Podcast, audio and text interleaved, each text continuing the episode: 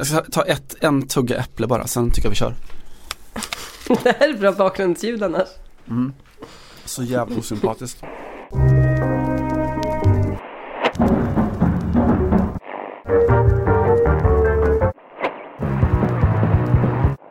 Sommartider, hej, hej, sommartider. Jag eh, sitter i Paris, det snöar. Simon, fick du ändå någon form av sommarvibe av denna mottagningen till podden Football Radical? Mm. Det- Så heter vi i Glasgow nämligen. Som jag fick, det var lite sådär äh, väldigt snabba äh, ryggmärgs-flashbacks till Kullabergs diskotek, i sko- krogen i skogen utanför Överlida. Där var det sommartider, hej hej mest hela tiden. Mm. Det är, man får göra vad man kan just nu för att eh, visualisera sig ur det här kompakta gråa liksom, betongblocket som ligger åtminstone över Paris. Mm, och då är det väl tur att vi har fotboll, visst är det? Det är tur, men det är också ganska bra att tänka sig att vi är i Glasgow för att eh, där har man ju det här vädret varje dag året runt. Alltså jag driver ju någon sorts teori, eller har gjort eh, tidigare, kanske med, med Liverpool mest som, eh, som fond och grund, men det tror jag att det är giltigt för Glasgow också. De har ju ett väldigt speciellt utseende, eh, alla i, i Liverpool, företrädesvis unga män, den här lite lätt rynkade Steven Gerrard-pannan. Eh, Mm. Som jag tänker inte är genetisk, eller den kanske har blivit det, men att den kommer från just när man står liksom vid Mercy, eh, vinden blåser in, det är svinkallt, det regnar, du har på dig din sån här träningsoverall med något klubbmärke på och trainers fast det är 10 minus liksom. Så man kan inte göra så mycket mer än att rynka pannan tänker jag. Jag hängde ju av eh, emotionella eh, skäl väldigt mycket i, eh, med en skotte för många år sedan och i Glasgow då och då. Och frågade just det här att varför, varför har alla en eh, träningsrollsjacka som är öppen och en t-shirt under? Det är ju ändå, precis som du säger, det är ändå minus två och snett regn. Och han menar att eh, han hade upptäckt det när han flyttade till Frankrike först, att, eh, att när det är kallt så är det kallt liksom. Men han bara, men alltså är man uppvuxen i Glasgow som är en ganska ruff, det är en fantastisk stad men det är ganska ruffigt liksom. Då är det så mycket annat som är jävligt så att det där med att det är kallt eller du vet eh, regn, det känner man inte. Det är så otroligt mycket annan misär som kommer i första hand på något sätt. Så att därför går de runt där med eh, ja, väldigt lite kläder och väldigt korta kjolar eh, året runt på krogen och ja, du vet allt det här klassiska eh, brittiska liksom eh, vad ska man säga, arbetarklassmodet är det ju egentligen. Att det, det är som en sorts, eh, det är som ett sorts svar på att man skiter i, eller man tänker inte ens på vädret. Det är hundra saker som är jobbigare i livet än kyla och snett regn. Vilken oerhört sympatisk ingång i ett eh, peptalk-program, peptalk-podd om fotboll kan jag tycka. Mm. Sluta gnäll eh, är den, eh, den, det ingångsvärdet vi har. Det är en ganska rolig eh, fotbollsperiod just nu så att vi ska ju absolut inte gnälla. Det känns som att de senaste två veckorna och de kommande tre så händer det ungefär hur mycket som helst i, i vår bransch. Vad har du gjort i veckan och helgen? Har du sett något kul? Eh, jag har ju live-wise eh, varit en vända i Turkiet, i Konya. Vilket det. var fantastiskt på många sätt. Det är så sällan som man gör den sortens resor nu när man landar liksom i en, en miljonstad där i sydost om Istanbul blir det väl. Eh, som inte, i alla fall den stadsdelen där vi befann oss och bodde, eh, känns som en del av, av det västra Europa överhuvudtaget. Det var liksom inga av de här stora internationella varumärkeskedjorna. Eh, det var liksom du vet, dadlar från Medina, det var liksom nötter från Bagdad, eh, små butiker, eh, alla människor Är, som är det, är vi i Asien rent eh, geografiskt? eh? Nej vi är väl inte det men det är ju, det är ju väldigt mycket på gränsen. Mm. Eh, och eh, ja, massa människor som är på väg liksom till, till förmiddagsbönen, bönutropen från minareten. Det där lätt exotiska som man eh, alltid hade när man var liten och reste runt i Europa. Det har man inte riktigt längre för nu ser ju allting ungefär likadant ut. Mm, Eh, mm, Men det här var, det var Turkiet på alla sätt liksom med mm. a- allt gott och allt ont och allt det där som man tycker väldigt mycket om också. Och sen en eh, fen- fenomenal svensk eh, fotbollsinsats på det så det var, det var bra skit faktiskt. Eh, Det var otroligt imponerande. Jag eh, måste säga att jag såg matchen på en mobiltelefon med eh, ena ögat. För jag var på en 40-årsfest samtidigt. Men jag, eh, det går inte riktigt att komma ifrån att det, det är ju svårspelat liksom. Vad säger det om Sverige? Att vi grejar det? Vi, att de grejar det? Ja, men det är väl att det finns en, en sån oerhörd liksom, stabilitet, stadga, organisation, ordning, alla de här lätt så tråkiga grundvärdena som eh, vi trodde att vi hade eh, med oss alltid men eh, som ju vi har ägnat ett par år åt att, att säga farväl till för vi har haft så mycket andra saker och det har varit svaj och det har varit sväng och det har varit eh, kul ibland och tråkigt ibland och man har aldrig riktigt Ja, det var ju så, alltså eh, landslaget under Erik Hamrén var ju like a box of chocolates You never really knew what to expect eh, Nu så vet man exakt och även framförallt vet, vet spelarna exakt vad de ska förvänta sig och vad som krävs av dem och vad de ska göra för att sminka över alla brister de har. Mm. Eh, och det är ju det är så otroligt kul att se när det, när det fungerar. Jag tror inte att övriga Europa liksom löser charterbiljetter till Friends Arena för att se det här gänget men, men, jag går gärna dit. Jag tänkte gå dit, eh, vi spelar in det här på tisdag förmiddag så ikväll ska vi till Friends, ett par stycken av oss i alla fall. Ja, just det. Det är, alltså det är väldigt, väldigt speciellt. Och jag undrar om Sverige just nu kanske det enda landslaget i världen som bara vet också att eh, vi håller tätt bakåt och vi behöver bara fixa en straff. För då har vi också en hundraprocentig straffläggare. Alltså det är en, det är en lyx som, som inte går att underskatta egentligen. Nej, som inte går att överskatta menar jag. Eh, alltså att ha, att ha den kvaliteten i eh, Andreas Granqvist och veta liksom att det, det löser sig på något sätt. Ja, det är så här full fart bakåt, håll tätt framåt och sen så granen på det liksom. Det är ju allt jag kräver av mitt fotbollslandslag på något vis. verkligen. Ja, fint är det. Verkligen. Sen så, eh, apropå din, din 40-års, ditt 40-års eh, kalas tittande så jag såg också, konsumerade i, kan ha varit fredagskväll va? Eh, Holland mot Frankrike. Som ju var en 6-0 match som eh, Frankrike ändå överlevde lite tack vare Hugo Lloris som var bäst på plan.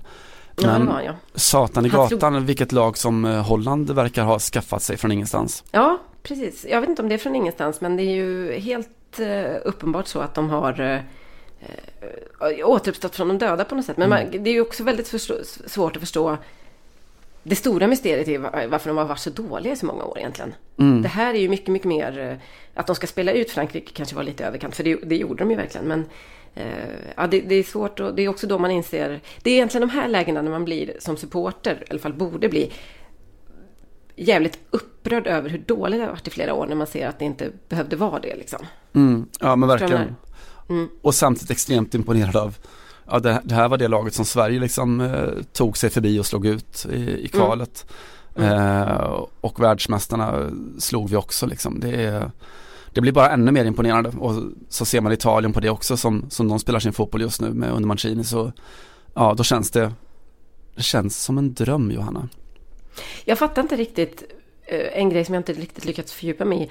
Eh, Ryan Babbel, är det en Benjamin Button kille liksom? För att nu hade han rött hår och såg ut att vara 21 ungefär. Vi ska alla den vägen vandra. Jag har inte kommit dit än men det är väl så man gör. Det är någon form av ålderskris som han lyckas kanalisera i att bli den fotbollsspelare som han var menad att, att bli också en gång. Sen så han, alltså det är klart, det måste vara en extrem frustration för alla i Liverpool att se honom nu hur, ja just det, det var det där vi betalade för men aldrig fick riktigt.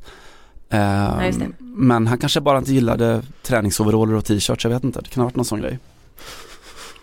Snett regn och iskyla från Mercy. Mm. Det regnar och är kallt. Det känns inte som berättelsen om mitt liv. Som hans självbiografi hette. Eh, vad har du, annars har du lajvat fotboll någonting? Eh, jag har inte riktigt lajvat så mycket. Det var, jag har däremot eh, kollat entusiastiskt på TV. Jag har kommit in lite i den här bekväma fasen, eh, om vi ändå pratar väder, att jag känner att det ska mycket till för att jag ska gå på live-fotboll eh, i november och framåt. Så att jag, just nu har jag parkerat mig framför eh, TVn. Jag vet inte om det noterades kanske att Schweiz spöade upp Belgien ganska rejält. När Schweiz möter Belgien är det lite, så att säga, ett litet så att säga, ett franskt förortsderby. Mm. Eh, det är ju lite de länderna som fransmän bara säger ja, ja. Eh, men jag prioriterade faktiskt eh, PSG mot Lyon det stora, den stora prestigematchen i, inom fransk damfotboll. Får jag innan du går vidare med, med prestigematch inom, inom uh, den franska damfotbollen också peta in min absoluta favoritstory om uh, Vladimir Petkovic, alltså Schweiz uh, synnerligen charmante kosmopolitiska förbundskapten. lite apropå, det var ju Seferovic som dansade in med, var det tre, kanske fyra? Mm. Tre, tre, mål tror jag, jag mm, mm. mot belgarna. Eh, vet, inför EM, senast eh, EM då, så, så var Petkovic i Tyskland eh, för att ha lite koll på, på, eller scouta sina spelare inför, inför turneringen. Eh, vilket då, han var i Frankfurt och eh, det noterades då av eh, tyska Sky som sände matchen. Så i, i paus så plockade de ner Petkovic för att liksom be honom kommentera lite vad, vad tyckte du liksom om första halvlek sådär. Eh, och så frågade de såklart, men ja, dina spelare, de här schweiziska spelarna, vad, vad tycker du om deras första halvlek? Och Petkovic sa att jo, jag, eh, Seferovic framförallt var ju väldigt bra, liksom, sprang mycket och, och ja, han skapade inte så mycket chanser men han, han, var väldigt, han jobbade hårt och var liksom, ja, han imponerade tycker jag första halvlek. Mm. Eh, och det var ju alltså fint och schysst sagt sådär liksom men Problemet med analysen var att Seferovic hade ju suttit på bänken hela första halvlek. Nej, är det sant? Nej men gode gud. Var det, ett, var det liksom ett infall av rätt avancerad humor eller hade han inte koll? Eh, han hävdade själv efteråt att han hade bara sådär missförstått och att det var eh, att det var Dirimic som han hade pratat om istället, alltså som spelade i Hamburg Jaha. då. Eh, men, Nej, synd. men strunt samma, det var ju briljant jäkla tv i alla fall. eh, ja, PSG Lyon var det va? PSG Lyon var det, ja precis. Det är ju, vi håller på att bygga upp för ett dam-VM i sommar i Frankrike och nu Även om det, det vore ju lögn att påstå att det råder någon form av feber här så är det ändå många som börjar prata om att eh, tjejerna ska upprepa det som killarna gjorde i somras då. Eh, att, eh, att den här liksom febern lite grann ska sprida sig vidare. Och det är ju väldigt, en väldigt speciell situation i, i Frankrike för att det här är två lag som är så pass enormt överlägsna alla andra. Att det egentligen är bara den här matchen som räknas. Det är ju svagheten i, i ehm, den franska damfotbollen. Eh, svagheten i den franska herrfotbollen att det är ju inga matcher som räknas eftersom PSG liksom kör över alla. Så det är ju det är ju ändå pyttelite större konkurrens då, men ehm, det, man hörde både inför och efter matchen att eh, ehm, då, då, säger man så här, ja, ja, men nu, det blev 1-1 då, men vi, det, vi har ju en, ett möte i vår också och då skulle vi kunna såra dem och så. Så det finns liksom inte på kartan att att eh, OL, framförallt Lyon, skulle tappa några poäng fram till ehm, matchen i vår mot PSG. Det är givetvis lite synd, men det, det är ganska intressant för de här matcherna har ju växt sig till, alltså det är ju oerhört hög kvalitet, alltså både taktiskt och tekniskt.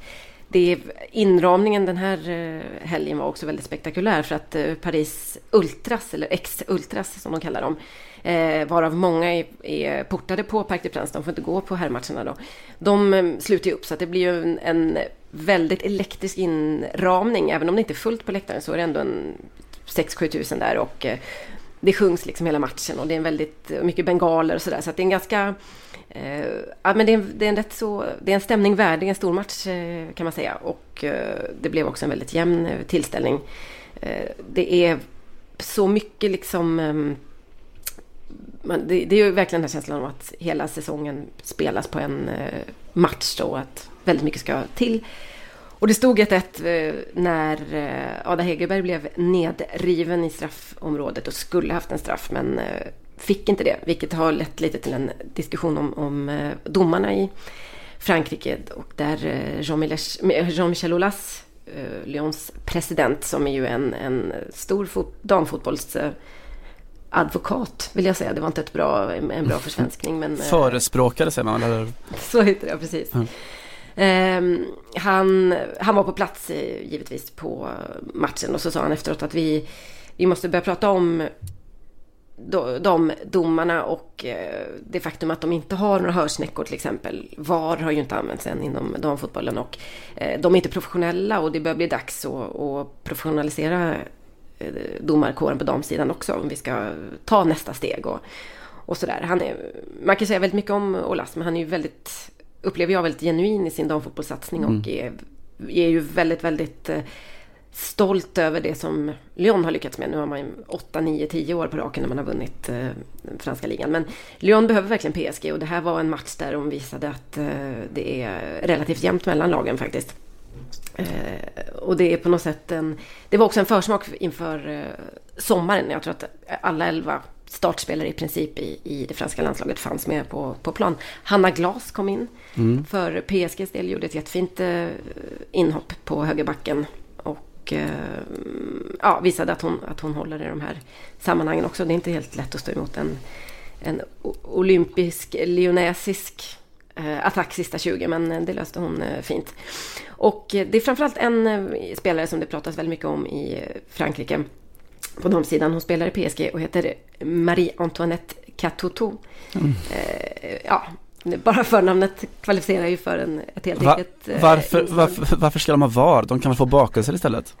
Exakt så. Uh, ja, det är jättefint. Hon har faktiskt på sin uh, Twitterprofil en tecknad bild av sig själv med en krona på sned. Det är lite gulligt. Mm, mm. Uh, och hur som helst, hon, hon, är 19 år tror jag bara. Och öser in mål i, i ligan är det stora utropstecknet och har varit... Jag minns att jag såg henne hoppa in för ett par, tre år sedan kanske redan i en PSG-match. Så att hon är ett, ett underbarn som håller på att slå igenom på, för fullt. Men under förra sommarens U20-VM så var hon en stor besvikelse. Fick eh, inte till någonting, gjorde inga mål, var, var väldigt anonym och det var väldigt mycket fokus kring henne på henne och, och, och, till exempel hon gör väldigt få intervjuer om några alls. Så att man, när Lekip vill liksom dechiffrera mysteriet som, som är eh, Marie Antoinette eh, Catoto så får de gå till lagkamraten och så vidare. Så hon, är, hon är väldigt reserverad och pratar inte så mycket och sådär. Men eh, är en ja, har allt egentligen som en fotbollsstjärna behöver. Utom det faktum då att hon inte har lyckats i landslaget än. Och nu är förhoppningen att hon ska liksom slå igenom och komma med i landslaget till, lagom till i sommar. Till hemma-VM. Eh, hon var uttagen i, för, i senaste landslagstruppen men gjorde inget större avtryck då heller. Så att det här är lite damfotbollsföljetongen i Frankrike just nu. Vad ska det bli av Marie Antoinette eh, Katoto? Kommer hon att eh, frälsa oss i sommar eller är, är tiden inte riktigt mogen än? Så att eh, någon att hålla ögonen på. Mm, de har ju en, alltså den här nya generationen på, på gång. Även uh, Gretchen Bock i, i, i Lyon. Den första. Ja, alltså, och hon ja, raderade ju ut Katoto i, i, i den här matchen såklart. För det var ju de lite mot varandra. Hon var, mm. hon var helt överlägsen. Gud, ja, ja, hon är så otroligt bra. Och så, jag träffade henne i, i Kanada under, under VM, förra VM då. Och var sådär eh, mogen och blyg i, i kombination. Eh, alltså så halvpolitiskt mm. medveten. Och, det var mycket snack om mm. henne då för att då hade hon blivit den första damspelaren i, i Frankrike som såldes internt i Frankrike för över eh, 100 000 euro. Eh, okay. Och ja, hon har ju sådär vuxit in helt i, i, sin roll och det är ju liksom ingen slump att det kommer komma väldigt mycket då unga duktiga spelare i Frankrike. Eh, det är liksom, de har börjat satsa på förbundsnivå, även om det är på en helt annan nivå än på herrsidan såklart, så är det liksom det är akademier, alla matcher tv sänds i ligan, det är liksom mm. Eh, jag går på eh, Kanal Plus faktiskt. Så att, eh, och den här matchen vill jag också säga att den här matchen blev då Kanal Plus huvudmatch i söndags. Som de sände mellan eh, från halv nio och framåt. Och, ja. Eh, och sen la de upp hela kvällsprogrammet J plus 1 som vi har pratat om tidigare, J plus 1. Eh, kring damfotboll och hade, hade två eh, damfotbollsspelare inbjudna. Gjorde ett nedslag hos det första franska damlaget som var Reims och där de fortfarande, de är nu 70 år de kvinnorna men fort, träffas fortfarande och är lite engagerade i fotbollen och sådär och så vidare. Så att, Ja, fortsätt, förlåt. Ja, men det, det kommer ju hända saker liksom. Nu har de då kopierat eh, Tysklands akademimodell lite grann och elitcenter och satsningar och och sådär. Så att det kommer, alltså i den fotbollsframtid som vi ser på damsidan så det känns så jobbigt för Sverige att hänga med. Så, så enkelt är det ju. Det är en helt annan ja. resursnivå. Jag känner samma sak. Ja, mm. och, och Lyon mot PSG, det hade kunnat vara en Champions League-final eh, utan vidare. Jag är ja. själv också väldigt förtjust i, i att eh, OL nu tränas av, eh, sedan ett år tillbaka, av Reinald Pedros.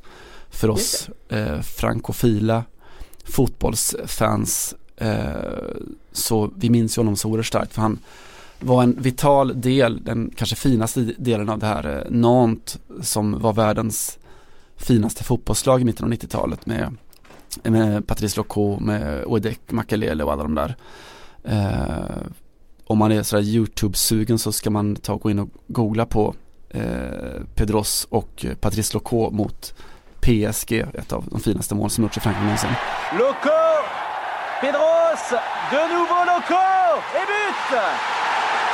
De spelade så här jeu à la Nantes med alltså en väldigt, väldigt modern form av som passningsfotboll, eh, fartfotboll eh, och så. Pedros eh, är en fransk eh, Staffan Tapper också. Han missade sin, en avgörande straff i EM 96 och blev så här helt totalt utdömd. Han var liksom the next big thing men blev istället mest hatad och syndabocksmärkt eh, i fransk fotboll under många år. Men nu är han tillbaka då. Mm. Southgates uh, missade straffar, samma VM, eller samma EM. Samma EM precis. Mm. Uh, och ja, nu är han tillbaka inte, som, som tränare. Inte, inte, inte väst när det gäller och så vidare. Exakt den. Okej, okay, så att det här damfotbollsblocket landade i att du tipsade om att vi ska youtuba lite här fotbollsspelare då. Uh, jag tänker ändå ta vid och bara landa den här diskussionen, nämligen att Frankrike har, och jag vet inte om vi har pratat om det tidigare, men det finns ju en enorm förlorarkultur faktiskt inom fransk eh, idrott. Eh, lite svårt att, att, att, känna av och känna till från utsidan, men man pratar väldigt ofta om att oh, typiskt franskt eh, när någon är, inte är väst när det gäller så att säga, i alla fall mm. mållinjen eller så. Och det finns kanske inget lag på landslagsnivå som mer liksom ehm, förkroppsliga detta än damfotbollslandslaget. Alltså det här är ju ett ett land som de senaste tio åren har varit, kanske, skulle jag säga nästan, om inte överlägset så i alla fall lätt topp tre när det kommer till talang. Och, och som sagt segermaskinen eh, Olympic Lyonnais som, som ju ett lag som har, det går inte att hitta något motsvarande på, eh, inom damfotbollen man tittar på, på segrar och och eh, vinnarmentalitet och så. Men man, de får aldrig till det i eh, mästerskap Frankrike. De har aldrig gått längre än till kvartsfinal är det väl helt om jag inte misstar mig. Och så åker de alltid på eh, mentala spöken liksom. Missar jätteklara chanser, straffar och så vidare. Så att det här är, tror jag också ligger lite bakom fokuset på Marie Antoinette Catoteau För att fransk fotboll är så medveten om att på damsidan så har man problem eh, att ta det sista steget. Och, eh, nu ser man liksom redan lite grann i henne att hon kanske är en sån som viker ner sig när det blir riktigt eh, tuffa lägen. Och, ja, det är ett litet eh, psykodram, ett, psykodrama i eh, Frankrike. Notera, ja, de, vi kan notera det också. Ja, förlåt. Ja, de, de, Frankrike vårdar ju sina, sina psykodraman också, de är mycket mer intresserade av det. Damlaget, ja, men de har väl haft några sådana här, eh, några semifinaler i alla fall tror jag. Men inte mycket mer liksom. Och jag vet alltså på om jag nu får ta herrexempel igen och det får jag väl just i det här fallet för att och, och, och skildra den franska folksjälen så eh, i sådana omröstningar som har gjorts om, om vilken som är den största franska eh, alltså den största franska eh, händelsen alltså i fransk fotbollshistoria så är det ju fortfarande så att man, man hänvisar till Sevilla 82 och förlusten på straffar mot Tyskland, eller Västtyskland då. Eh, det är det som är den stora, den som de brinner för. Det är inte liksom VM-titlarna från 98, alltså du vinner VM på hemmaplan eh, och har liksom parader på Champs-Élysées för miljoner men det är ändå inte lika stort som när vi förlorade mot Västtyskland på straffar fast vi ledde i förlängningen för att det säger mer om livet antar jag, att det är så man tänker att det där är, mm. ja, segrarna. Det är intressant liksom. Ja, segrarna är banala liksom, det är förlusterna som, ja. som man minns. Eufori är banalt. Jag tror att det är därför det är inte är så stort i Frankrike. Man mm. vårdar mycket mer eh, sina tragedier och sina uh, trauman och Sin psykodramer och så vidare. Så, ja, helt enkelt. Precis mm. så. Men äh, värt att notera i alla fall att äh, Eh, vi, vi pratade om det också här en veckan att eh, framtidens fotbollsspelare kanske inte är de här eh, som det har varit i väldigt många år, som kommer från en fattig bakgrund och, och gettot och så vidare. Du hänvisade till en undersökning som visar att det snarare är medelklassungarna som eh, kommer ta sig fram eh, inom fotbollen vad det lider. Men på, här kan man ju se att eh, i Frankrike på herr och damsidan så är det väldigt eh, tydligt en, en eh, invandrare eller migrant eller åtminstone en eh, västindisk eh, koloniprägel på på eh, framtidsnamnen. Ja, men herrlandslaget vet ni alla hur det ser ut eh, till, när man kommer till eh, etnicitet och så vidare. På damsidan, de två vi har pratat om här, både Marie Antoinette Katoto och eh, Bok. är ju, har afrikanskt, afrikanskt ursprung. Och så är det med väldigt många och faktiskt också mycket nordafrikanska tjejer som slår igenom. Så att det är en, en väldigt... Ehm, det är, det är intressant att jämföra landslagen där och se att eh, det ser väldigt lika ut i vilka som kommer fram på här och damsidan och att det är väldigt, än så länge, demokratiserat i, i Frankrike. Det handlar inte om eh, eh, det handlar inte om pengar, det handlar inte om bakgrund, det handlar, det finns, utan det är snarare tvärtom att det är eh, invandrar och migrant eh, överrepresentation egentligen i, i eh, toppfotbollen på herr och damsidan. Mm, en dörr som på damsidan väldigt mycket öppnades av ju Louisa Nesib, eh, en av våra, tror jag, Ja, att jag kan säga favoritspelare alla kategorier eh, ja, som, som slutar mot. Men så, vilken vacker fotbollsspelare alltså. Så fina mm. fötter, så mm. otrolig teknik och också den där franska typiska vekheten. Eh, mm. Just det. Det är en liten hon, Ösil på så sätt. Väldigt mycket Ösil över henne när jag tänker efter. Ja, det är så här det okända kärleksbarnet mellan Ösil och Zidane. Hon ja, var ju Marseille, Marseille som Zidane och kallades för Tito. Eh, såklart.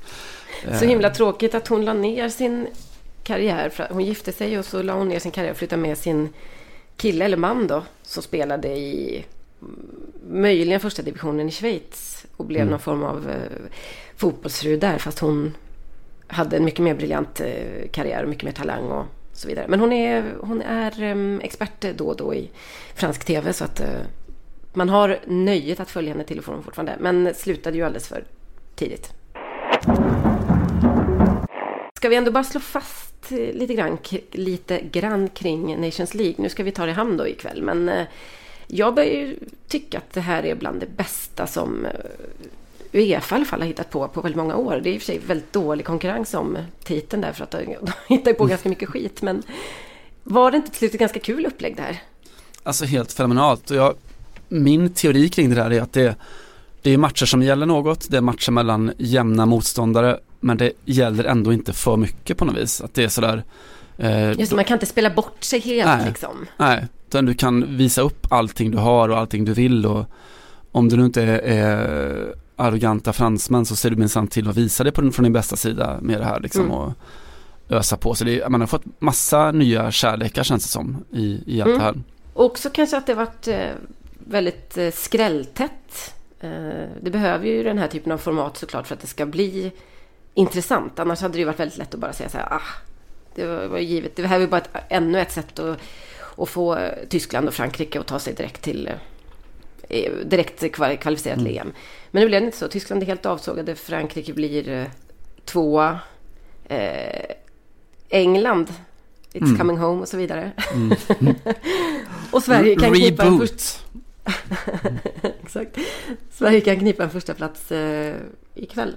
Och alla, ryssen. Ja, alla nordiska lag. Alltså Norge etta sin grupp, eh, Finland etta sin grupp, Danmark etta sin grupp, Sverige Också. när vi spelar in där, möjligen etta sin grupp. Så att, eh, kan inte du göra mig en tjänst Simon, du som ska rapportera från kvällens match. Kan du inte konsekvent kalla Ryssland för ryssen? Jag känner att det gamla militärlingot håller på att försvinna och det oroar mig lite grann. Det ska ju tas ett ansvar för det, absolut. Och uh, ska, Knäcka Sverige, ska, ska Sverige vara svenskan? Nej. Få checken på fall. Nej, det behöver du inte. Det, jag tror att det alltid bara är liksom ledefi som beskrivs med i, mm. i singularis. Lite pejorativt sådär. Ja, men det, mm. jag, jag är med, absolut. Mm. Mm. Uh, man tänker lite också att efter den här dundersuccén med formatet, så man får säga att det är, det är bra fotboll, det är kul matcher och det är mycket publik och allt det där.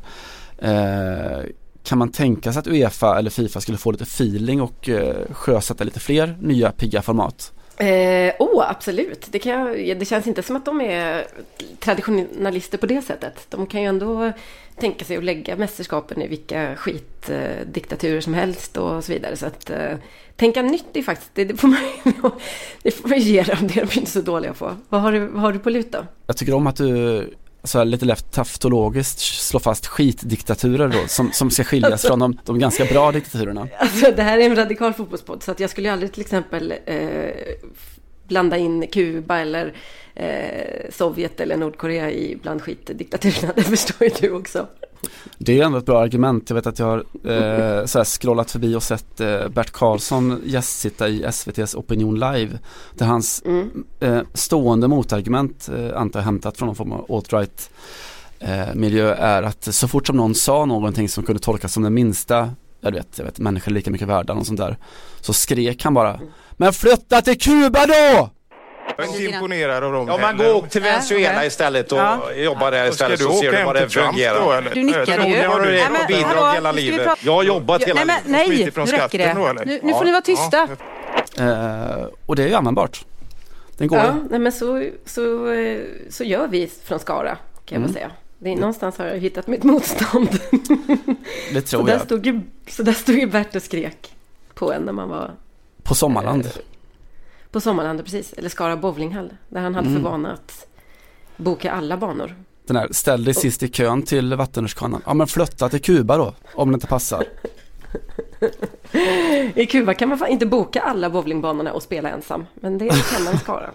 ja, eh, Skara for the win. Nej men jag har, alltså jag har två stycken idéer som jag sådär halvseriöst tänkte eh, pitcha då för, för Fifa och Uefa. Eh, mm. Kanske mest för Fifa. Den ena, vad tror du om den här? Eh, Extreme League. Eh, där du låter, eh, du tar fram världskartan och sen så ringar du in världsfotbollens extremer. Eh, till exempel då har du i, på den argentinska sydspetsen finns då det som ska vara världens sydligaste fotbollsklubb i Ushuaia tror jag det heter. Eh, ungefär 100 mil norr om Antarktis. strax söder om det som heter eh, Martialglaciären. Eh, lite extra för alla våra United-fans. Eh, de tycker jag får vara med. De får möta Nordkin fotbollklubb eh, uppe i Mehamn på stranden till Bärens hav. Och sen får man väl då eh, rita in liksom eh, vad som man nu, beroende på vilken karta man väljer, eh, det västligaste och östligaste laget i världen. Ja, det, det, det, kan ju bli lite av ett, eh, ett slag om världsbilden om du ska börja tala om vad som är längst västerut och så vidare. Vad heter den? Pipers Projection-kartan eller något annat. Men det, man kanske hamnar typ i Fiji eller något, jag vet inte. Eh, någonting sånt. Men i alla fall låt dem mötas i, i världens mitt eh, och berätta deras historier. Det är faktiskt, eh, på tal om extremer så har ju världens lägst rankade herrlag eh, Turks and Caicos Islands. Jag vet faktiskt inte ens vad man säger på svenska. Sker nia för det gissat på, men ja, okej. Mm. Nej, men nu är jag på landslagsnivå här. Ah. Eh, de vann sin första fotbollsmatch över på fyra år mot St. Vincent and the Grenadines. Ja, ni får ta det här för vad det är. Det är två väldigt, små landslag som eh, möttes i alla fall i i helgen tror jag. Och mm. uh, Turks and Caicos Islands vann. Grattis till dem. Mm. Uh, det är mitt ena förslag i alla fall. Min alternativa lite mer ekonomiskt gångbara pitch som handlar om mer saker än själva berättelsen om världsfotbollen eller världssporten fotboll uh, är en fotbollens motsvarighet till Ryder Cup-golfen alltså. Du tar ett All-star-lag från Copa Libertadores som ställs mot ett All-star-lag från Champions League i eh, sponsrat av Mastercard eller så. Vad tror du om den? Det är en underbar idé. Eller hur? Vilka skulle man ens, vilka skulle man ens heja på? Eh, domarna kanske, jag vet inte. Nej, alltså, eller Sydamerika för att alla, som, alla brott med någon form av sån geocentralistisk världssyn är väl välkomna. Ja, absolut. Ja, verkligen. Vi i Europafotbollen du... är ju rätt mycket som, liksom, som man är i, i USA när man, man kallar liksom, eh, ja, vinner du, är du amerikanska mästare i baseball så är du världsmästare liksom. Mm. Så tänker vi lite också. Mm, ja, verkligen. Vi har ju för sig det här rätt eh, sugiga klubblags-VM på, i december, vad det brukar vara. Någonting. Ja, ersätt den då. Ta bort det man skulle ju kunna spela kanske Europa mot Afrika också då. Där finns det väl viss risk att eh, afrikanska klubblag står sig inte kanske så bra eftersom de allra flesta, flesta drar. Eh, det är ju alldeles oavsett detta så är vi mitt i ett eh, kval för Afrikanska mästerskapen. Det är ganska många lag som är färdig eller som är, har kvalificerat sig just nu i sista veckan. Eh, och jag tänkte att vi skulle återbesöka några gamla vänner, ni som lyssnade på podden innan det riktigt var en podd inför eh, fotbolls-VM. Minns ju att vi gjorde några nedslag hos eh, Marocko inte minst. Vi gratulerar herr V, Hervé mm. Renard, som har eh, fått eh, Marocko AM klara. Afrikanska mästerskapet klara då. Eh, i, eh, nu i veckan. Och eh, Aliou Cissé. Mm. Senegals förbundskapten som har eh, lyckats med precis samma sak. Båda de här lagen toppar sina grupper inför en sista omgång som eh, ska spelas men där de redan är färdiga så att säga för att spela AM. Eh, Aliou som jag sprang på för övrigt på Parc des Princes för inte så länge sedan fick eh, fattade inte riktigt vem det var för att jag, det var så oväntat att se honom där. Var jättenära på att gå fram och fråga om han var spelade för PSG handboll. Tack och lov gjorde jag inte det. Sen kom jag på, just det. Fattade han vem du var? nej, vi, vi kommer inte så långt. Så att jag, nej, det är tveksamt. tveksamt. Eh, han hade i alla fall lite problem när han skulle ta ut eh, senaste truppen. Eh, för att eh, när de kallade eh, Keita Balde, Inter, eh, utlåningen. Interfiaskot. Precis. Så visade sig att eh, Inter hade bytt e-mailadress. Alltså e-mailadresser. Så mejlet då där, där man kallade Balde, för man skickar de här mejlen till klubbarna, kom aldrig fram.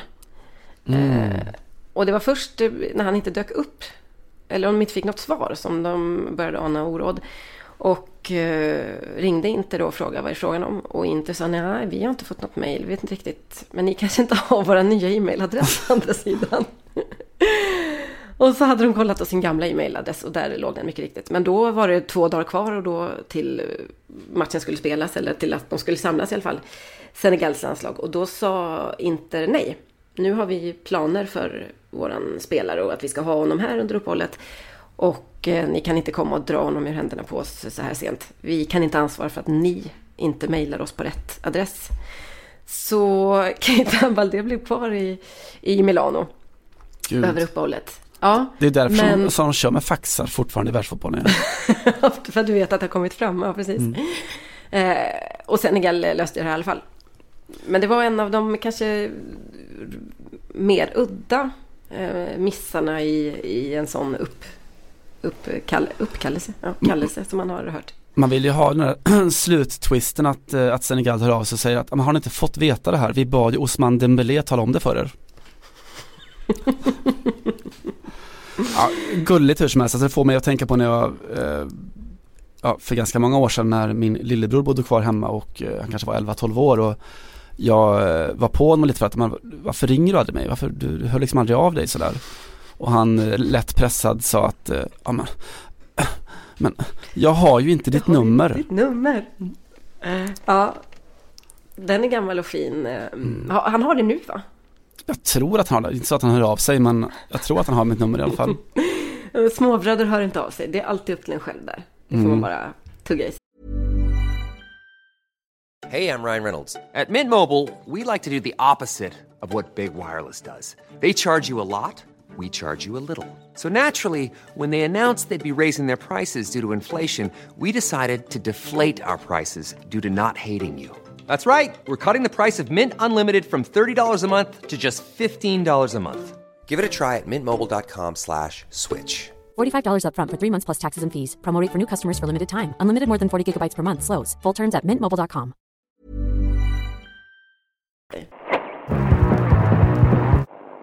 Ska vi åka ändå en sväng till eh, Sydamerika innan vi går vidare? För nu har vi pratat det här eventuella alternativa Nations League-upplägget. Eh, Ryder Cup, Uefa Ryder Cup. Just det. Jag tycker det låter bra. Eller ja, Fifa Ryder Cup då kanske. Ja, snarare tror jag. Uh, ja. Vi ska väl också parentetiskt säga att Afrikanska mästerskapen pågår ju i detta nu också på, på damsidan. Uh, ja. Med väldigt mycket svensk intresse får vi säga. Framförallt Thomas Denneby och Nigeria som har ju en ja, fjärdedel av truppen kommer ju från, från uh, spelare i svenska klubbar. Så det är lite häftigt. Just det. Mm. Mäktigt, mäktigt. Mm. det är väl ganska stor chans då att ett av lagen i finalen i Copa Libertadores skulle ställas mot ett uh, europeiskt lag i Fifa Ryder Cup. Mm. Uh, det är dags för uh, final nummer två, allt ska avgöras, mellan Boca och River Plate på lördag. Och vi pratade lite senast inför, eller efter var det nog, första mötet så hade du en story där om ett eh, bröllop som blev inställt till slut va? För att det gick ju inte att gifta sig när, när det var så uppenbart att alla skulle tacka nej. Eller i alla fall bara sitta och glo på sina mobiler under, eh, under själva vigselceremonin. Eh, en annan grej som har varit ganska så debatterad i Argentina är överhuvudtaget hur de här två matcherna kunde spelas på en lördag, eller två lördagar blir det nu då. Eh, det är den eh, judiska populationen i Argentina som är ganska så stor. Jag har inga siffror men eh, jag känner själv flera judiska argentinare. Så, så att vi kan konstatera, så därför är den nog ganska stor. Anekdotiska bevisföringar och så vidare. den är superanekdotisk. Eh, nej, men den är tillräckligt stor för att, man, för att det ska ha varit en riktig debatt om att eh, spela de här matcherna på lördagar. Det är ju shabbat för judar och eh, ungefär 30 procent av de argentinska judarna är att betrakta som, eller betraktar sig själva som ortodoxa, vilket innebär att när det är sabbat så får man ju inte, eh, man får inte göra så mycket helt enkelt. Man får inte köra bil, man får inte använda sig av eh, elektricitet, får inte egentligen titta på TV. Eh, man ska vara from och gå in i sig själv och inte, man får inte ens eh, laga mat på elspis och så vidare, utan mm. det är en dag för kontemplation och för eh, religiositet och så vidare. Och det här gjorde ju att, eh, eller har gjort att eh, man inte kan gå till... Många, många supportrar inte kan gå till eh, arenan och inte ens se matchen på, på TV. Och, och, det gäller ju de kanske två viktigaste matcherna i, på en hel generation, för att inte säga flera generationer. och detta gjorde att ett, en stor judisk WhatsApp-grupp spånade, hur ska vi göra? Hur ska vi göra? Kan vi komma runt det här på något sätt?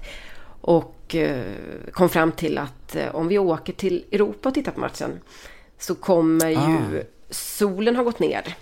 Eh, Shabbat är som Ramadan, det bryts liksom när eh, solen går ner. Så att räknar man ut att klockan nio på kvällen skulle matchen gå i Spanien bland annat då, samma, samma tid som i Sverige. Och då kan vi faktiskt titta på den för att då är det då är våran shabbat bruten. Jag så tror att det är knutet till när stjärnorna syns, att det, att det är så som som eh, det är skrivet i alla fall vad gäller shabbat att det, det, om det är tre stjärnor som ska synas på himlen då är shabbat över. Ja, du ser. Mm, mm. Ännu vackrare. Ja, väldigt vackert. Mm. Um, så det här slutar med att ett uh, glatt gäng på 35 uh, eh, argentinska judar gjorde just detta.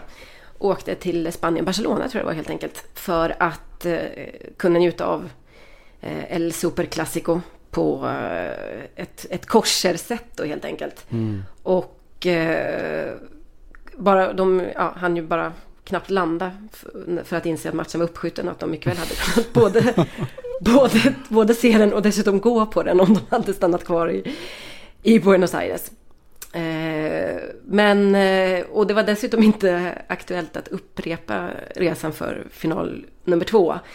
För eh, många av de här eh, 35 i alla fall i den gruppen sa att nej, man vill nog ändå vara i eh, Buenos Aires om vi vinner. Det här var Boca Junior-fans då. Om vi vinner för att då kommer ju, det kommer ju vara på kvällen som festen drar igång och då är man liksom, då kan man delta i, i festligheterna. Så att det var en, en lång resa för, för ingenting men visar i alla fall vilken kraft fotbollen kan ha på, på andra världsliga ting som religiösa påbud eh, till exempel.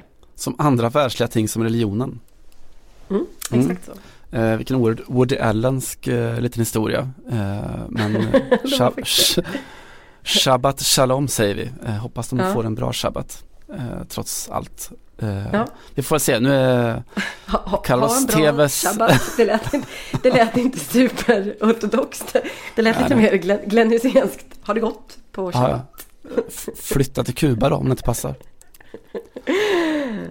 Eh, ja, fint i alla fall. Eh, nu så att Carlos Tevez eh, verkar vara igång och eh, påtänkt för spel i alla fall. Så att de kanske får en, en bra sabbat, vi får se. Alltså jag gjorde en liten, ganska, inte så korser kanske, men ra, rasprofilering. Okej, gud vilket, vilken dålig brygga hörde jag just nu. Oh, men nu gör vi det i alla fall. på den första matchen. Rädda det här nu. Rädda det här nu, gör det. Nej men det var så, det är så himla sjukt, för att du pratar om Carlos Tevez. Så noterade jag att typ hälften av alla, man glömmer bort det här, men hälften av alla argentinska fotbollsspelare ser ju ut som rugbyspelare. Mm. Eh, jag, kan, jag, jag, måste sluta mig till att det är eh, en, en vad ska man säga, en, eh, en rent genetisk liksom, ehm, betingelse för det, den, här, den här kroppen finns ingen annanstans. De pratar ju om Carlos Tevez. Eh, jag pratar om han Avila som gjorde ett av eh, målen som vi lyssnade på i ett av avsnitten också. Mm. Eh, jag pratar om, ja men de här Alexis Sanchez-typerna, alltså de ser mm. ut som, eh, som små, som små, um, ja men typ te telefonhytter om du tänker, alltså förr i tiden när man gick och SpongeBob eller vad heter han? Ja, lite typ så. Dammsugare helt enkelt. Mm. Det är ett väldigt, eh, ett väldigt speciellt, en väldigt speciell fysik som är jätte, jättefrekvent i det här mötet i Copa Libertadores-finalen. Så att eh, om ni är intresserade av rasprofilering tycker jag ni kan titta på matchen. Kanske av det skälet. Det, det är liksom en typ av fysik som vi bara ser på rugbyspelare och kanske tyngdlyftare i, i, i Europa de är ju, alltså argentinska fotbollsspelare ser ju ut, det finns ju två typutseenden hos dem. Det är ju det ena, just det där kompakta, fyrkantiga eh, Telefonhytten Telefonhytten och alternativ två är att de ser ut som Santi Solari eller så, att de är eh, vackra som en dag helt enkelt. Eh, ja, jag vet inte om det är klass, klassrelaterat eller om, om eh, ja, det är nog, hela jag får nog gå in där och nu är ni ändå inne och liksom trampar runt i skiten så får jag säga att det är nog också rasorienterat för jag tror att det finns en jag tror att det finns en ganska eh, tydlig uppdelning i eh, just när det kommer till, eh, alltså i, Argentina så är det ju väldigt många som är italienskt ursprung. Mm. Och eh, det ser man ganska ofta. Och, det, och, Argentina är också ett land eller en kultur som, där det, här, där det finns väldigt mycket utrymme att blomma ut som italienare så att säga. Mm. Jag säger det här för att jag känner väldigt många argentinare och de brukar säga att vi en argentinare är ju en person som tror att han är en engelsman som pratar spanska men som i allt väsentligt eh, har allt gemensamt med italienare. Eh, det här eh, påfågelaktiga liksom. Och väldigt, ja men lite lätt exhibitionistiska och klassiskt eleganta och så vidare. Så att där man, har du andra, man förstår, ju, man förstår ju varför du bottnar i Argentinaskapet i så fall. Det låter, hade lika gärna kunnat vara en beskrivning av dig. ja, jag har, haft, jag har gått för många matcher mot argentinska män. Nu går vi mm. vidare i podden. Kristoffer Bergström, vår eh, prisbelönta och folkkära eh, kollega som eh, i veckan skrev en, en kolumn på nyhetsplats om just det här med fotbollstalanger eller idrottstalanger som aldrig egentligen blev någonting och sen så ägnar de resten av livet att hänga vid bardiskar och berätta för folk av olika kön, mest ett, att de egentligen då kunde ha blivit fotbollsstjärnor om det bara inte vore för att. Alltså den här ukronistiska hållningen, liksom, om inte om vore och så. Mest, de berättade mest för kvinnor väl, möjligen icke-binära också. Men mm. det är mm. mest, eh, det är väldigt mycket en sån eh, raggningsfras ja. Företrädesvis så. Och när jag läste den där så, så kom jag att tänka på en sak som jag ofta kommer att tänka på när det handlar om just talanger som inte riktigt eh, levde upp till sina löften och så. Eh, när jag var själv, jag vet inte, 12, 13 år någonting så hade vi besök hemma i eh, Västergötland av en eh, skotsk familj. Jag tror vi hade stött på dem via Gothia Cup på något vis. Eh, pappan i familjen, otroligt trevlig pensionerad eh, polis från Edinburgh. Eh, gammal rugbyspelare, för att plocka upp en tidigare tråd, som hade brutit ryggen när han spelade rugby. Mm, som man gör. Eh, mamman i familjen hon jobbar med resor och sånt och jag hängde såklart då mest med deras son som var lika gammal som, som jag och väl fortfarande är då, Kevin Kevin Thomas heter han. Eh, och vi liksom spelade fotboll dagen ända och han eh, lärde mig bland annat hur man gör bicykletas för det kunde inte jag riktigt. Eh, han kunde det, han var oerhört duktig på det. Han kunde också springa, han var liksom en av de snabbaste i hela Storbritannien i sin ålderskategori. Han var också en av de absolut största fotbollstalangerna som Skottland hade fått fram på hela 90-talet egentligen. Eh, det gick liksom fantastiskt bra för honom, han var scoutad av alla stora eh, Premier League-klubbar.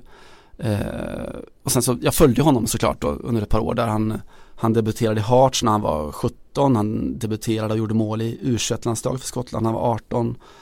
Och var liksom, han skulle bli the next big thing i skotsk fotboll.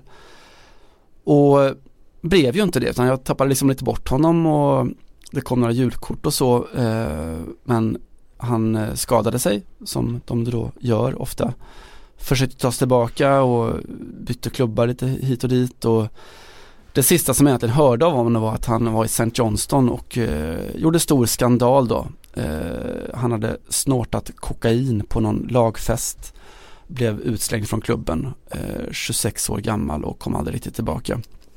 Mm. Och det är inte ovanligt med talanger inom något område att de inte blir någonting, att det går åt helvete liksom. Det är ju mycket mer ovanligt att det inte går åt helvete.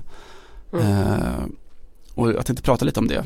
Eh, det kom någon rapport, alltså en, en bok eh, tidigare i år som eh, berättade då att ungefär 0,012 procent av alla som spelar ungdomsfotboll i England eh, kommer att spela i Premier League någon gång, alltså ungefär en på 10 000.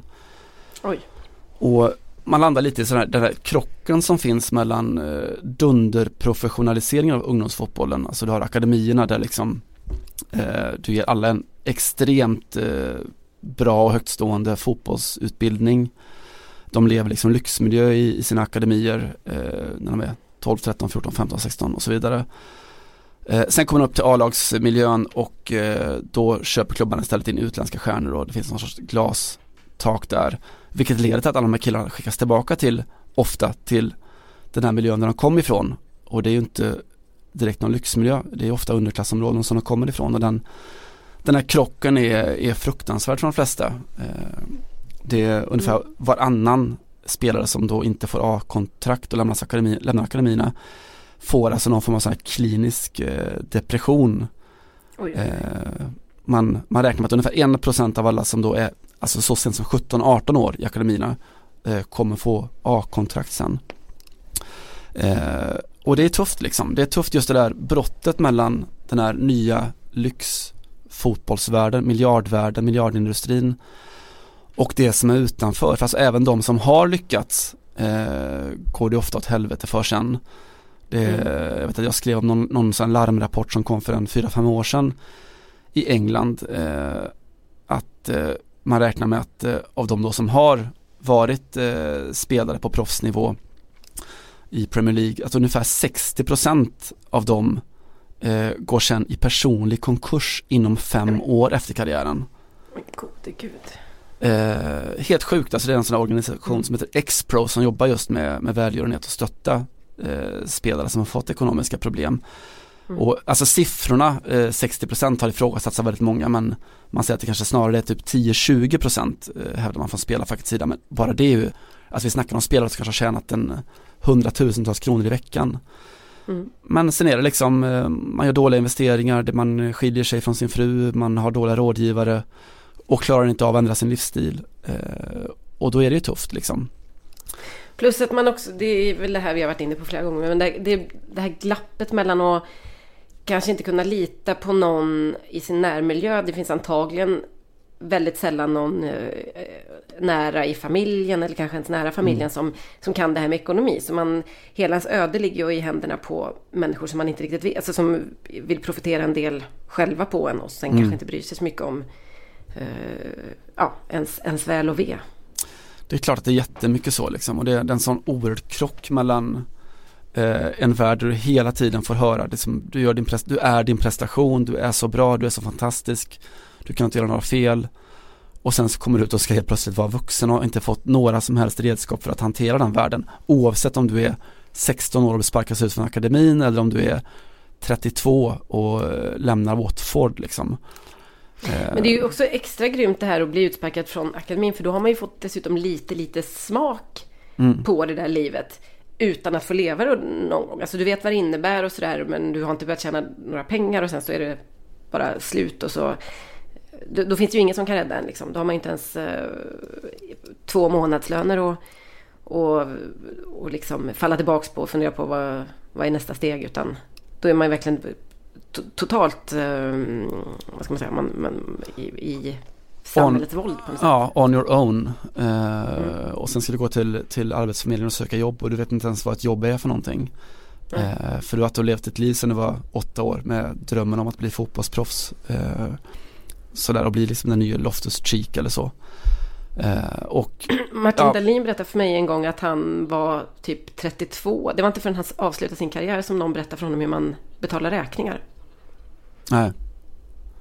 Det är bara en sån där grej som du inte... Och han, och han kommer ju dessutom från en väldigt medelklassig eh, miljö. Men eh, mm. det behöver man aldrig göra som fotbollsspelare helt enkelt. Nej och du hör ju aldrig de här berättelserna. Så alltså, jag minns när, när eh, för ganska många år sedan när Glenn Hussein berättade, eftersom Glenn Hussein berättar ganska mycket om Glenn Husseins liv. Han är inte den hemligaste av personer, så att säga. Men han berättade att han har gått på... inte så mycket Zidane över honom på något enda plan.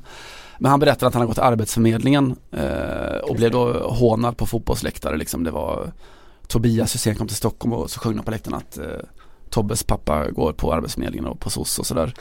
Eh, och jag tyckte det var fa fantastiskt att någon faktiskt ställde sig och berättade om, om just det där eh, mm. livet efteråt och att det inte alltid är en dans på rosor eh, och sådär. Men det, det, man kan fundera över är liksom, vad, vad, hur ser botemedlet ut då? För det är klart att de här unga människorna måste ju satsa de måste träna sina fyra, fem dagar i veckan när de är 12 och sådär. Eh, eller måste, måste, men de allra flesta gör ju det.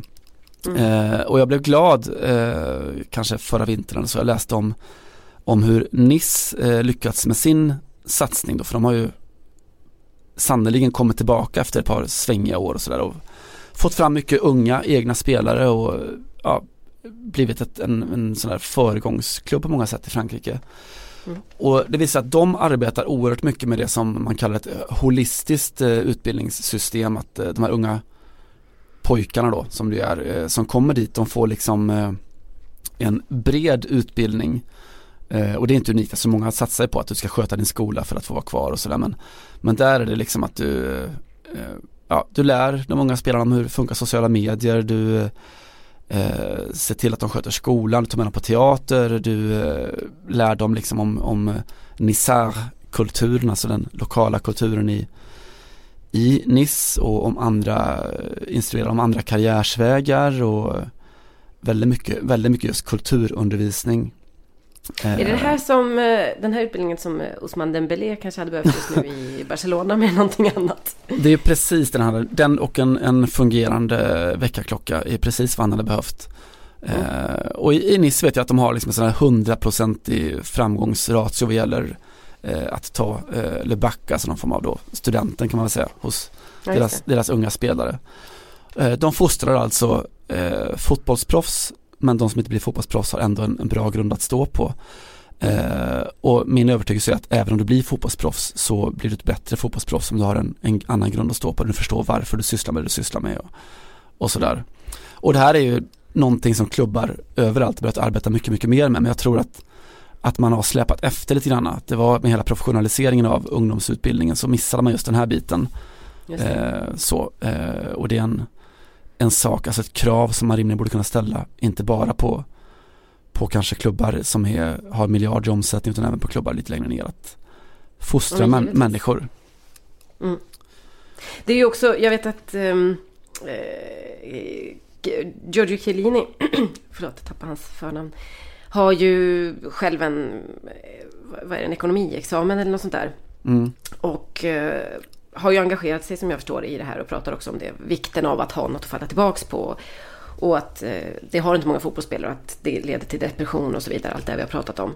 Och det är ju lite ironiskt att det, som läget är nu då, är fortfarande, eller återigen blir så att de, någonstans de fattiga spelarna, eller de som kommer från en, det man brukar kalla en studieovan bakgrund, blir liksom på något sätt straffade igen när karriären tar mm. slut. För att då har du ingenting Eh, du har inga skyddsnät, du vet inte hur du ska göra, du kan inte eh, då betala räkningar eller eh, söka ett jobb eller vad som helst. För att du det, fann, alltså det, fanns, det är som att den här proffstiden blev ett vakuum av enorm liksom, lyx och pengaflöde och snabba bilar och eh, söta tjejer och inte vet jag. Men sen så när du kliver ur det så kanske du har förhoppningsvis lite pengar kvar, även om som du sa, många, många har också gjort sig av med allting eller går i konkurs och så. Men framförallt så kommer du kastas tillbaks till det här, ehm, liksom lite, det, ditt, eh, din eh, samhällsklass någonstans som determinerar hela ditt eh, välmående och allting, nämligen att du inte vet hur du ska hantera eh, livet efteråt. Och att det är också där står medelklasskillarna mycket bättre rustade för att de har haft eh, någon som har talat om för dem att du ska nog också plugga lite vid sidan av, även om du är Chiellini eller inte vet jag, kompani. Mm, en annan som eh, lite mer, alltså Chiellini har ju alltså en, en universitetsexamen då i ja, någon sorts företagsekonomi, sport. En annan som faktiskt tog eh, sin universitetsexamen ganska nyligen, vet du vem det är? Nej. Eh, Edin Dzeko. Ja, det här har jag nu hört ja. Mm. Mm. Man blir alltid glad Snyggt. när man ser det där. och vilket ämne var det då? Eh, jag tror att det var ungefär samma, någon besläktad sån företagsekonomi med sportinriktning eller något åt det hållet. Det är väldigt sällan några kommer ut och bara säger ja, nu har jag ju tagit en eh, examen i liksom, eh, human, eh, humaniora. Ekologi. Eller, ja. Kultur, geografi och så. Mm. Vilket är lite synd för det hade de ju faktiskt kunnat kosta på sig med tanke att de inte, på att de inte behöver jobba något mer. Men, ja, ja. Kom, Vincent Kompani kanske var ett lite dåligt exempel. Han, han är väl ett, eh, ett maskrosbarn. Han kommer ju inte från någon medelklassmiljö. Han har bara gjort det här ändå för att han är eh, omåttligt begåvad. Ja, väldigt mycket så. Nej, vi får hoppas på att eh, Osman Dembélé kommer ur det här med en någon form av examen i, ja vad ska vi kalla det, teatervetenskap eller så. Det hade vi, faktiskt varit på sin plats. Det hade varit på sin plats. Apropå eh, den hårda världen där ute i fotbollstoppen eh, så tänkte mm. jag, ska vi plocka fram veckans profil kanske? Ja, varsågod. Eh, jag noterade här om veckan först faktiskt att eh, Paolo Lopez har slutat med fotboll. Eh, och det kan ju vara mig förlåtet kanske, han eh, är ju inte den största stjärnan av alla. Han eh, har ändå gjort då eh, totalt 16 år faktiskt i Benfica. Eh, drog hem 12 stycken titlar, varav ett gäng då mästerpokaler. Eh, och sådär, alltså 16 säsonger som målvakt i Benfica med Victor Nilsson, Lindelöf och de andra. Det är ändå rätt imponerande liksom. Mm. Eh, grejen med Paolo Lopez är att han, under de här 16 åren som målvakt så gjorde han totalt fyra A-lagsmatcher. Mm. Eh, han var alltså tredje målvakt i klubben. Eh, och gick sen såklart då vidare som nu är han målvaktstränare i Benfica. Men det där fick mig att tänka på, för Paolo Lopez är inte min profil utan det är Remy Vercoutre. Eh, re reservmålvakternas eh, reservmålvakt. Eh, eh, för det är något speciellt, vi gillar ju reservmålvakter väldigt mycket så, jag pratade om det förut tror jag, att, att kravet på en första målvakt är att de ska vara någon sorts eh, individsportare i en lagsport. De ska vara så halvpsykopater och tänka på sitt och inte påverkas av enskilda misstag utan de ska vara rätt flängda i huvudet liksom. De behöver inte vara så socialt begåvade alla gånger. Medan andra målvakten ska ha de totalt eh, inverterade egenskaperna. De ska vara en sån där stämningshöjare, lagspelare, god människa, god gubbe, ha alla de här Glenn kvaliteterna mm. Eh, Vercoutre satt på Olympique Lyonnais bänk i typ tusen år då, bakom Copé var det först och sen Hugo Lloris eh, under många år. Och när han fick en fråga om det där hur, eh, ja, hur, hur står det ut liksom att vara andra att du aldrig får spela och träna och sådär. Eh, och då sa han, eh, vilket är ganska fint, att eh, min pappa jobbade i fabriken, min morsa jobbar som sekreterare, ganska ofta får de jobba helger också. Så om man jämför, hur illa är det då egentligen att träna två, tre timmar om dagen och ha det som jobb? Eh, det var en fin hållning och eh, min allra bästa Vercotre-historia handlar om eh, Jorninho som vi har pratat om förut, vår favoritbrassespelare. Eh, som ju är den bästa frisparksskytten i in the history of the game. Eh, och varför är han det? Jo för att han tränade väldigt mycket såklart. Eh, han hade som princip då, och det här var på tiden när man i ligan så hade alla klubbar eh, olika matchbollar, alltså av olika märken, olika vikt och format och höll på att säga material men det har ingen aning om. Men alltså man hade olika, olika kvaliteter i alla fall, eh, olika egenskaper av de här bollarna. Så Juninho gjorde som en golfare i princip att han köpte in eh, alla olika bollar så skulle han möta liksom jag vet inte, Gangon på helgen så spelade, eller så slog han frispark med Gangons bollar hela veckan. Ungefär 40, Vilken snille. Toksnille på så många sätt. Mm. Eh, så han stod där och så slog han en 40-50 frisparkar efter varje träning. Eh, och det var ju inte Hugo Lloris eller Gregory Copé som, som stod i mål då, utan det var ju Vercotre såklart. Eh, och han sa liksom att ja, men om, om Joni träffade mål, och det gjorde han ju med typ 90% så då, då gick boll i mål. Så han, han stod där, hämtade bollar i målet och eh, gjorde så gott han kunde bara för att sparra eh, en lagkompis. Mm. Eh, och om man tittar på klipp sådär när Juninho sätter sina frisparkar så väldigt ofta så firar han ju genom att springa rakt ut till bänken och krama om eh, Leons evige reservmålvakt. Eh, det värmer ju hjärtat och därför ja, så är Remy Vercoutre är min eh, veckoprofil. Han har också slutat nu. Ja, vad fint. Han sitter ju faktiskt med i eh, programmet J plus 1 som jag eh, hänvisar till. Tjatar om. Mm. Lite då och då, ja precis. Eh, och hans take på PSG Leon i, i eh, söndags var eh, faktiskt, då fick han ju prata lite målvakt och då så sa han det att han oroade sig lite för han tycker inte att eh, målvaktsspelet på damsidan hänger med eller utvecklas i samma takt som eh, ja, utespelet då. Den här eviga debatten om är det för stora mål och eh, ja, är, är, det så att det är liksom en damfotbollsmålvakt kan aldrig bli helt riktigt, riktigt bra för det kommer alltid finnas luckor som man av, av rent eh, fysiska skäl inte kan täcka upp. Men och då argumenterade han mot eh, en för detta PSG-spelare som sa att jag tittar ju matcher varenda helg och jag har varit liksom i, in the game i 15 år. Det har hänt jättemycket på damsidan på målvaktsspelet. Och då svarade Remi Vercotre med att det, han, det kändes som att det var fler tabbar från damfotbollsspelare.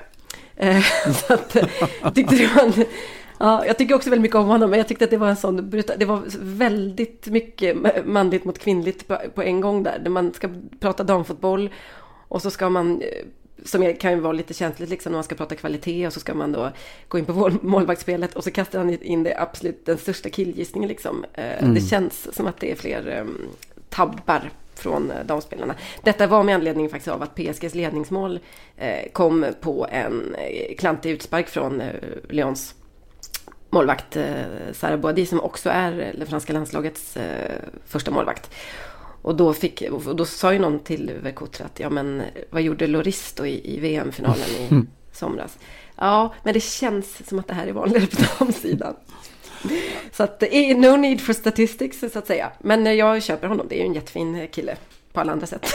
på alla andra sätt, gud ja. Han hade ju en, en bra mm. chans att hugga på Loris annars och get one back. Men han missade han, han missade öppna målet. Som målvakter ofta gör, de är inte övade just eh, åt det hållet. Just det. Eh, jaha, jag ska kasta in ett eh, kulturtips då. Vi, drar, vi går lite över tiden här så att jag gör det ganska så snabbt. Eh, två konstigheter med det här tipset. Det ena är att det är en tv-serie som jag generellt tycker att folk ska hålla sig borta ifrån. Eh, gå på bio istället, läs en bok, umgås med era vänner. Eh, nummer två, eh, att jag inte har sett den. Men nu kommer den i alla fall. du gissar att den är bra? nu kommer en jävla killgissning här.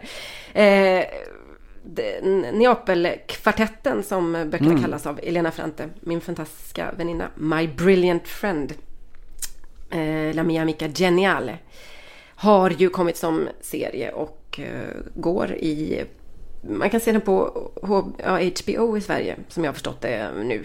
Mm, det stämmer. Avsnitt i veckan eller vad det är. Mm. Eh, och de första recensionerna har varit väldigt positiva i alla fall. Så att eh, jag gör ett litet avstick från min tv-seriepolitik här och säger se den här serien för att det är en fantastisk historia och förhoppningsvis så håller den eh, i liksom eh, de, de viktigaste dragen och uh, vad ska man säga, förtjänsterna hos de här romanerna, fyra romaner som är en, en serie coming of age hos två neapolitanska kvinnor som när serien är slut och vi landar i nutid i 65-70-årsåldern. Eh, allra helst så tycker jag förstås att man ska läsa de här böckerna. Det har ju väldigt många gjort redan. Men ni som inte har gjort det, läs dem. Och framförallt eh, kämpa er igenom den första. Det är en barndomsskildring. Det är inte jätteroligt. Men det kommer en rejäl utdelning i bok 2, 3 och 4.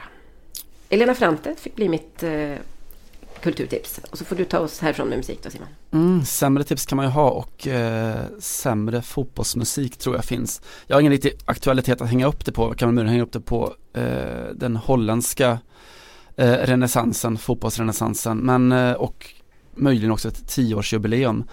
För backar vi klockan tio år så spelade Ajax någon sån här försäsongsmatch i Cardiff och eh, fansen blev ju, som bortafans ofta blir då, kvarhållna lite, lite efter matchen. Och DJen på arenan eh, på Ninian Park, eh, det var 0-0 i matchen, rätt tråkig försäsongsmatch. Han underhöll eh, Ajax-fansen med att spela Bob Marley på läktarna. Eh, och det känner ni säkert till, men då tog ju fansen med sig eh, Bob Marley, eh, så att säga, hem till Amsterdam eh, vilket är en ganska lämpad, eller Bob Marley-kompatibel miljö eh, på vissa sätt. Jag förstår verkligen inte vad du menar. Såklart inte. Eh, men eh, de eh, approprierade helt enkelt eh, lite Bob Marley-musik och har ju sedan dess då sjungit, ofta i paus, Bob Marley, Three Little Birds.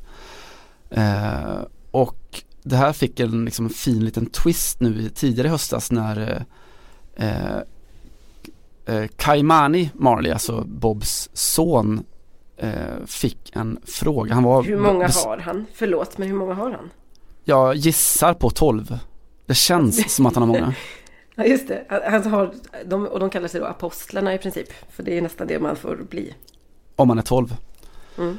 Eh, och sånt till Bob Marley. Ja, förlåt. Ja, Kaimani Marley var i alla fall och såg en Ajax-match i ligan då och eh, blev intervjuad och så fick han en fråga då att men, du skulle kunna tänka dig själv komma och, och sjunga Three Little Birds eh, här på det som nu heter Johan Cruyff Arena. Absolut sa Kaimani, ring bara så kommer jag. Eh, och de hade hans nummer så de ringde. Eh, och när Ajax mötte AIK Aten i Champions League tidigare eh, ligger på i första halvlek, det är 0-0 i paus. Eh, och det första som händer i andra halvlek är att vänsterbacken och Nicolas Tagliafico eh, skickar in 1-0 efter ett par sekunder bara i andra halvlek och de vinner med 3-0 till slut. Eh, och varför gjorde de det? Jo, de gjorde väl det för att eh, every little thing is gonna be alright. Och eh, med den så skickar vi väl ut det då i, i veckan och verkligheten en gråmulen eh, november tisdag som vi har. Eh, det här är faktiskt inte den versionen utan det är när, när Ajax firar ligaguldet 2012. Men det är i alla fall eh, Bob Marleys Three Little Birds. Varsågod, Shalom, Shabbat.